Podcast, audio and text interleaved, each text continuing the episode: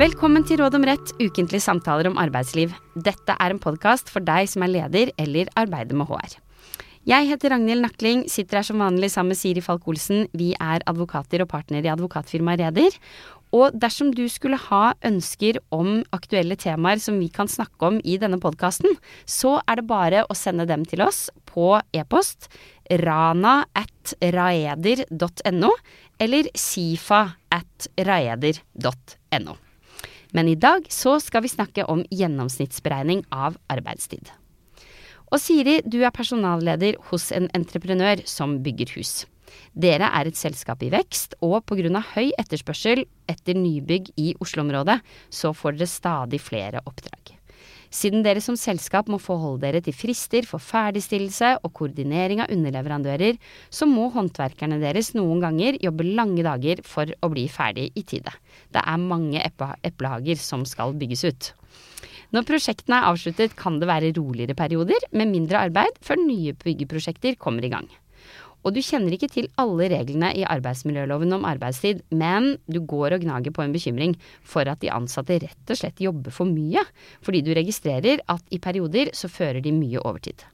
Du er med i et HR-nettverk og har fått et tips om å se på muligheten for å gjennomsnittsberegne arbeidstiden, siden dette visstnok kan være fornuftig på arbeidsplasser som din, hvor arbeidsmengden kan svinge. Du vet ikke hva gjennomsnittsberegning er, og du er usikker på hvordan du skal gå frem. Siri, hva sier du til dette? Ja, jeg tenker at gjennomsnittsberegning absolutt er noe som her kan vurderes. Eh, og det er fordi at gjennomsnittsberegning av arbeidstid det er en ordning som passer veldig godt i bransjer hvor behovet for arbeidskraft kan svinge. Og hvis man skal se til regelen om gjennomsnittsberegning, hvor er det denne personallederen skal slå opp for å finne ut hva det er? Som vi har snakket om i en tidligere episode, så er det et eget kapittel, kapittel 10 i arbeidsmiljøloven, som handler om arbeidstid. Og I dette kapitlet så finnes det mange og ganske detaljerte regler om daglig og ukentlig arbeidstid, om pauser, om perioder med arbeidsfri, overtid og overtidsbetaling. Og disse reglene de gjelder som den klare hovedregel for alle ansatte. De eneste ansatte som ikke omfatter disse reglene, det er ansatte som har det vi kaller for særlig uavhengig stilling, eller ansatte med ledende stillinger. Også det er et eget tema i en tidligere episode. Men så kan det sies at i kapittel 10 så finnes det også en helt egen bestemmelse om det som kalles for gjennomsnittsberegning av den alminnelige arbeidstiden. Og reglene om dette det finner vi i arbeidsmiljølovens paragraf 10-5. Da har du snakket litt om hva som står i loven om dette, men hva med tariffavtaler? Kan det være regler om arbeidstid der som er annerledes enn det som står i loven? Ja, eh, arbeidstid er et veldig typisk tema som ofte er regulert i tariffavtaler, og da særlig i de bransjevise overenskomstene. Og det er derfor viktig at personallederen også sjekker om denne entreprenørvirksomheten er bundet av en tariffavtale, og hvis ja, hva slags regler om arbeidstid som står der. Men det som skal være tema i denne episoden i dag, det er altså reglene i arbeidsmiljøloven om gjennomsnittsberegning. Vi behandler ikke eventuelle regler i tariffavtaler. Og hvis du på en enkel måte skal forklare gjennomsnittsberegning av arbeidstiden, hva innebærer det? Jo, altså på mange arbeidsplasser så vil de ansatte ha en helt fast arbeidstid som f.eks. kan styres av virksomhetens åpningstid. Og da vil gjennomsnittsberegning sjeldent være aktuelt, fordi de ansatte arbeider til samme tid hver eneste dag. Men i virksomheter hvor det er svingninger i behovet for arbeid, f.eks. i en virksomhet som entreprenørselskap i eksempelet vårt, så vil det kunne være behov for at de ansatte arbeider mer i perioder hvor de skal ferdigstille disse husprosjektene, mot at de arbeider mindre i andre perioder. Og i disse tilfellene så vil gjennomsnittsberegning kunne være en fornuftig ordning, og det er fordi at det enkelt sagt så betyr det at arbeidsgiver får muligheten til å beregne den alminnelige arbeidstiden gjennomsnittlig over tid. De ansatte må ikke arbeide like mye hver dag eller hver uke. Og den viktigste konsekvensen av at arbeidstiden gjennomsnittsberegnes, hva, hva er det? Hva betyr det i praksis, både for arbeidsgiver og arbeidstaker? Jo, i praksis så betyr gjennomsnittsberegning at terskelen for når regelen om overtid slår inn, økes på kort sikt. Dvs. Si at ansatte kan arbeide lengre dager og flere timer i løpet av en dag eller en uke uten at reglene om overtid og overtidsbetaling slår inn. Men den samlede rammen for hvor mye ansatte kan arbeide, økes likevel ikke. Og det er jo fordi at det er en klar forutsetning med disse reglene at ansatte skal arbeide mindre i roligere perioder. Så det er derfor mange vil si at det er en form for lovfesting av det mange kjenner som en fleksitidsavtale, eller avtale om fleksibel arbeidstid. Altså at de ansatte kan arbeide mer i perioder mot å ta mer fri i andre perioder. I snitt så skal den alminnelige arbeidstiden være den samme. Mm. Og gjennomsnittsberegning, fordel, ulempe, hva vil du si? Jeg tenker nok at det kommer litt an på øyet som ser. For arbeidsgiver så vil det være en klar fordel hvor det er svingninger i behovet for arbeidskraft, f.eks. da i mer prosjektbaserte bransjer. Noen arbeidstakere de har jo et klart ønske om en fast og regulert arbeidstid hver dag. Eh, samtidig så vil nok mange arbeidstakere også sette pris på fleksibiliteten som ligger i ordninger om gjennomsnittsberegning, siden det betyr at eh, arbeidstaker i perioder kan ta fri, arbeide kortere dager osv.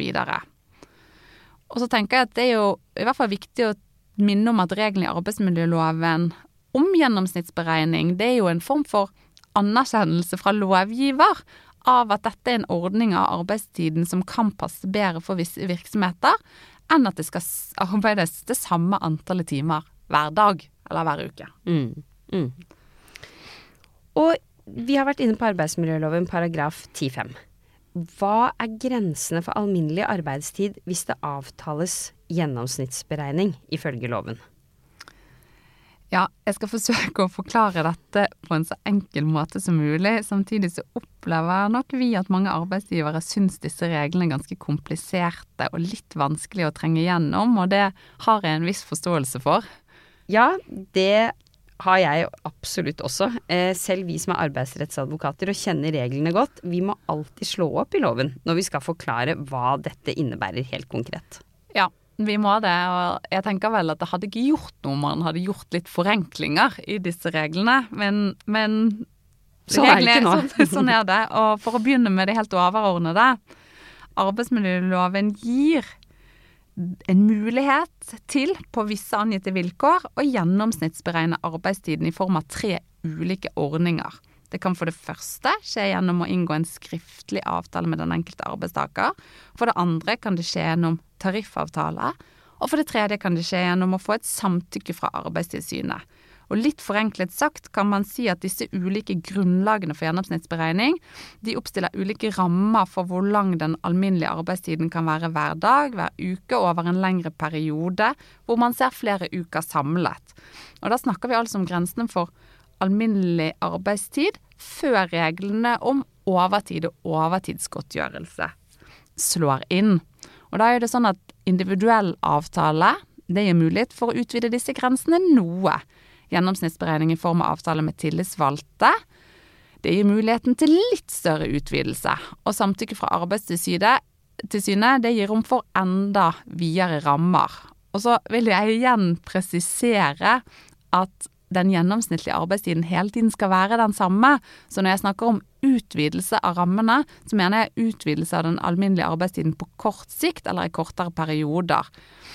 Eh, fordi at den alminnelige arbeidstiden til den ansatte, den utvides samlet sett ikke uansett hvilken ordning for gjennomsnittsberegning man benytter. Ja, og det tenker jeg er en veldig viktig presisering, for det er lett eh, kanskje særlig som arbeidstaker å tro eller tenke at på en måte nå skal jeg jobbe mer og mer og mer og mer. Men det skal man ikke. Men man skal se perioden man jobber eh, over tid, da, og at det over, i, i gjennomsnitt skal bli det samme. Det er riktig. Eh, hvis man begynner med det første trinnet først, da, og sier at ja, gjennomsnittsberegning det kan avtales skriftlig med den enkelte arbeidstaker. Hvordan gjør man det? Hva innebærer det i praksis? Jo, da er det et krav om at arbeidsgiver inngår en skriftlig avtale med den ansatte. En individuell avtale. Og det gjøres jo ofte i selve arbeidsavtalen når den eh, arbeidstakeren blir ansatt. Det kan også inngås avtale om dette senere, men det må altså gjøres skriftlig. Utover dette så er det ingen vilkår i loven for når slike avtaler kan inngås, så i prinsippet så kan individuell avtale om gjennomsnittsberegning, det kan man inngå en avtale om i alle arbeidsforhold. Og hvis man inngår en sånn avtale, hva er rammene for alminnelig arbeidstid da? Jo, da utvides den alminnelige arbeidstiden på en sånn måte at den ansatte kan jobbe inntil 10 timer i løpet av 24 timer, inntil 48 timer i løpet av 7 dager. Og så er det sånn at denne 48-timersgrensen den kan gjennomsnittsberegnes i en periode på åtte uker, men sånn at alminnelig arbeidstid aldri kan overstige 50 timer i løpet av en syvdagersperiode, altså i løpet av en uke. Og så er det det viktige prinsippet om at arbeidstiden i løpet av en periode på et år, altså 52 uker, i gjennomsnitt ikke skal være lenger enn det som er avtalt å være den alminnelige arbeidstiden. Så hvis det er avtalt 40 timer per uke, jo, da skal ikke arbeidstiden i snitt overstige dette i løpet av denne gjennomsnittsberegningsperioden. Og så er det viktig å understreke at man kan avtale kortere gjennomsnittsberegningsperiode enn et år. Eh, og arbeidstid som går utover denne rammen, det vil være overtid, og det må følge reglene om overtid og overtidskompensasjon. Og overtid har vi vært innom i en tidligere episode. Ja, og man kan jo forstå når du er gjennom dette hvordan på en måte rullegardina går litt ned da for noen. Men der, i hvert fall på podkast, så er det mulig å trykke seg 30 sekunder tilbake og høre det en gang til. Nå har jo du snakket om hvordan rammene er når man inngår en individuell avtale om gjennomsnittsberegning. Eh, er det noen unntak de, fra denne muligheten da, til å avtale gjennomsnittsberegning med hver enkelt arbeidstaker? Det er nesten ikke noen unntak, men det er jo ofte sånn at ingen regel uten unntak, og her er det et bitte lite unntak. Eh, men det er ikke så veldig praktisk, fordi at dette unntaket viser til en regel som brukes lite av arbeidsgiver i praksis. Men jeg tenker det er greit å nevne at gjennomsnittsberegning gjennom avtale med arbeidstaker, det kan ikke brukes eh, med ansatte som er midlertidig ansatt etter arbeidsmiljøloven paragraf 14-9 bokstav f. Og det er denne bestemmelsen i arbeidsmiljøloven som har vært ganske mye diskutert, men kanskje ikke så mye brukt, og som gir arbeidsgivere eh, anledning til å ansette noen midlertidig inntil tolv måneder uten at man må ha en grunn for, for, for det, da. Mm. Og vår erfaring er vel at dette er en regel som Altså vi har noen klienter som har brukt den en del, men samtidig så må vi vel si at flesteparten ikke har brukt den så mye. For det rett og slett er en god del regler og vilkår som blir litt kronglete å oppfylle. Og nå snakker vi Nå er vi jo på høsten 2021, eh, og dette er jo en bestemmelse som kan bli fjernet når det kommer en ny regjering, siden den har vært gjenstand for litt politisk uenighet. Ja, og derfor tenker jeg at det ikke er verdt å si så mye mer om dette enn at det er et unntak i loven når det gjelder bruk av gjennomsnittsberegning i individuell avtale ovenfor denne kategorien midlertidig ansatte. Men viktig å huske at ansatte som er midlertidig ansatt på et annet grunnlag, f.eks. ansatte i et vikariat, de kan ha avtale om gjennomsnittsberegning. Nettopp. Hvis vi da går over til terskel to i de tre mulighetene som fins for gjennomsnittsberegning. Dette med å inngå avtale med tillitsvalgte i virksomheter som har tariffavtale. Hva kan du si om det? Jo, da er det de, mange av de samme prinsippene som gjelder ved at det også her skal inngås en skriftlig avtale, eh, og at arbeidstiden kan gjennomsnittsberegnes over en periode på maks 52 uker, altså ett år. Men da inngås avtalen mellom de tillitsvalgte og arbeidsgiver. Da er det ikke lenger snakk om en individuell avtale med den enkelte ansatte. Og hvis det inngås en sånn avtale om gjennomsnittsberegning med de tillitsvalgte, ja da utvides maksgrensen for den alminnelige arbeidstiden til 12,5 timer i løpet av et døgn, og, til, og fortsatt 48 timer i løpet av syv dager. Grensen på 48 timer i løpet av syv dager, den kan gjennomsnittsberegnes over en periode på åtte uker, på samme måte som ved gjennomsnittsberegning etter en individuell avtale.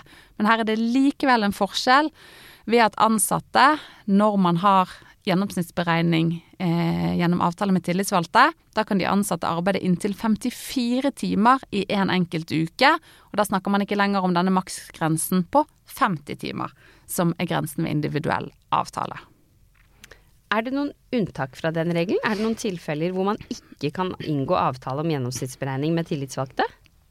Nei, det er ikke noe unntak her, men jeg tenker det er viktig å nevne at ved inngåelse av en avtale som innebærer at den alminnelige arbeidstiden overstiger ti timer i løpet av 24 timer, så står det i loven at det skal legges særlig vekt på hensynet til arbeidstakernes helse og velferd. Og Da kan det jo være snakk om å arbeide lange dager. Så det er viktig at arbeidsgiver vurderer behovet for denne type ordning for gjennomsnittsberegning før det inngås avtale med de tillitsvalgte. Og det er jo som jeg har nevnt mange ganger, en forutsetning med gjennomsnittsberegning at disse maksgrensene ikke er en normal ordning. Det skal arbeides mye mindre i roligere perioder for at arbeidstiden i gjennomsnitt ikke skal overstige det som er avtalt alminnelig arbeidstid per uke. Og nå er vi jo i et slags gjennomsnittsberegning-hierarki. Vi har vært på trinn én, individuell avtale. Vi har vært på trinn to, avtale med tillitsvalgte virksomheter med tariffavtale. Og hvis vi går til trinn tre, nemlig det at arbeidsgiver får samtykke fra Arbeidstilsynet, når er det et alternativ man kan bruke, og hva innebærer det? Ja, det er en egen bestemmelse som innebærer at Arbeidstilsynet kan gi samtykke til gjennomsnittsberegning i en periode på maksimalt 26 uker, altså da et halvt år. Og igjen er det det samme grunnprinsippet om at den alminnelige arbeidstiden i snitt skal være det som er avtalt. Eh, og i praksis da, vil jo det ofte være 40 timer per uke, eller 37,5 i tariffbundne virksomheter. Men hvis Arbeidstilsynet da gir samtykke etter en søknad, så kan arbeidstiden være, være maks 13 timer i løpet av 24 timer, og maks 48 timer i løpet av syv dager og grensen på 48 timer kan fortsatt gjennomsnittsberegnes over en periode på åtte uker, men da faktisk uten en maksgrense per uke, som gjelder ved denne gjennomsnittsberegningen i individuell avtale eller gjennom avtale med tillitsvalgte. Så på en måte enda større fleksibilitet til å arbeide mye på kort sikt. Nettopp. Ganske detaljerte regler, og vi er jo også inne på dette med hva som er praksis for arbeidstid, som jo vil være veldig ulik hvis man snakker om store tariffbundne virksomheter, eller på en måte, hva skal jeg si, mindre virksomheter eller andre bransjer hvor de kanskje bare har en lokal tariffavtale. Men det kan vi jo komme tilbake til i en, en annen episode. Uansett så er jo dette ganske detaljerte regler, så det gjelder jo å holde tunga rett i munnen. Og hvis vi skal prøve å dra noen tråder og gå tilbake til eksempelet som vi startet episoden med, så er det jo veldig relevant å høre hvor den personallederen bør begynne. Ja, basert på den informasjonen vi har om dette entreprenørfirmaet, hvor personallederen arbeider, så høres det ut som om det er normalsituasjonen i virksomheten at arbeidsmengden varierer. Og det tenker jeg er naturlig i en virksomhet som lever av gjennomføring, ferdigstillelse av prosjekter.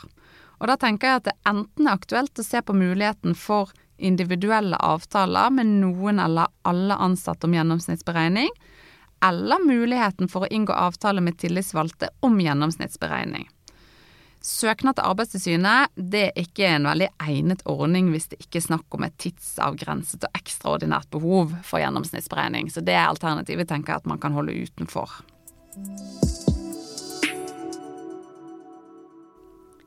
Før vi avslutter, Siri, har du tre oppsummerende tips eller råd når det gjelder temaet gjennomsnittsberegning av arbeidstid? Ja, det skal jeg forsøke meg på.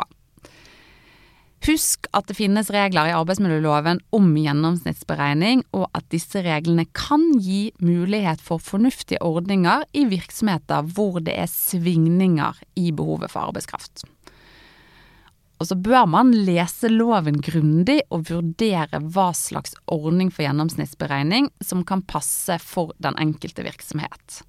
Og til slutt, hvis det avtales ordning om gjennomsnittsberegning, så er det veldig viktig at virksomheten har gode timeføringssystemer som gjør at arbeidsgiver har kontroll på hvor mye ansatte arbeider, og at arbeidet skjer i tråd med de grensene som reglene oppstiller. Og da er det igjen viktig å minne om det jeg har sagt mange ganger, at gjennomsnittsberegning ikke innebærer at de samlede grensene for alminnelig arbeidstid utvides. I snitt så skal det være det samme. Takk. Det var det vi hadde. Vi kommer tilbake med nytt tema og nye tips i neste episode.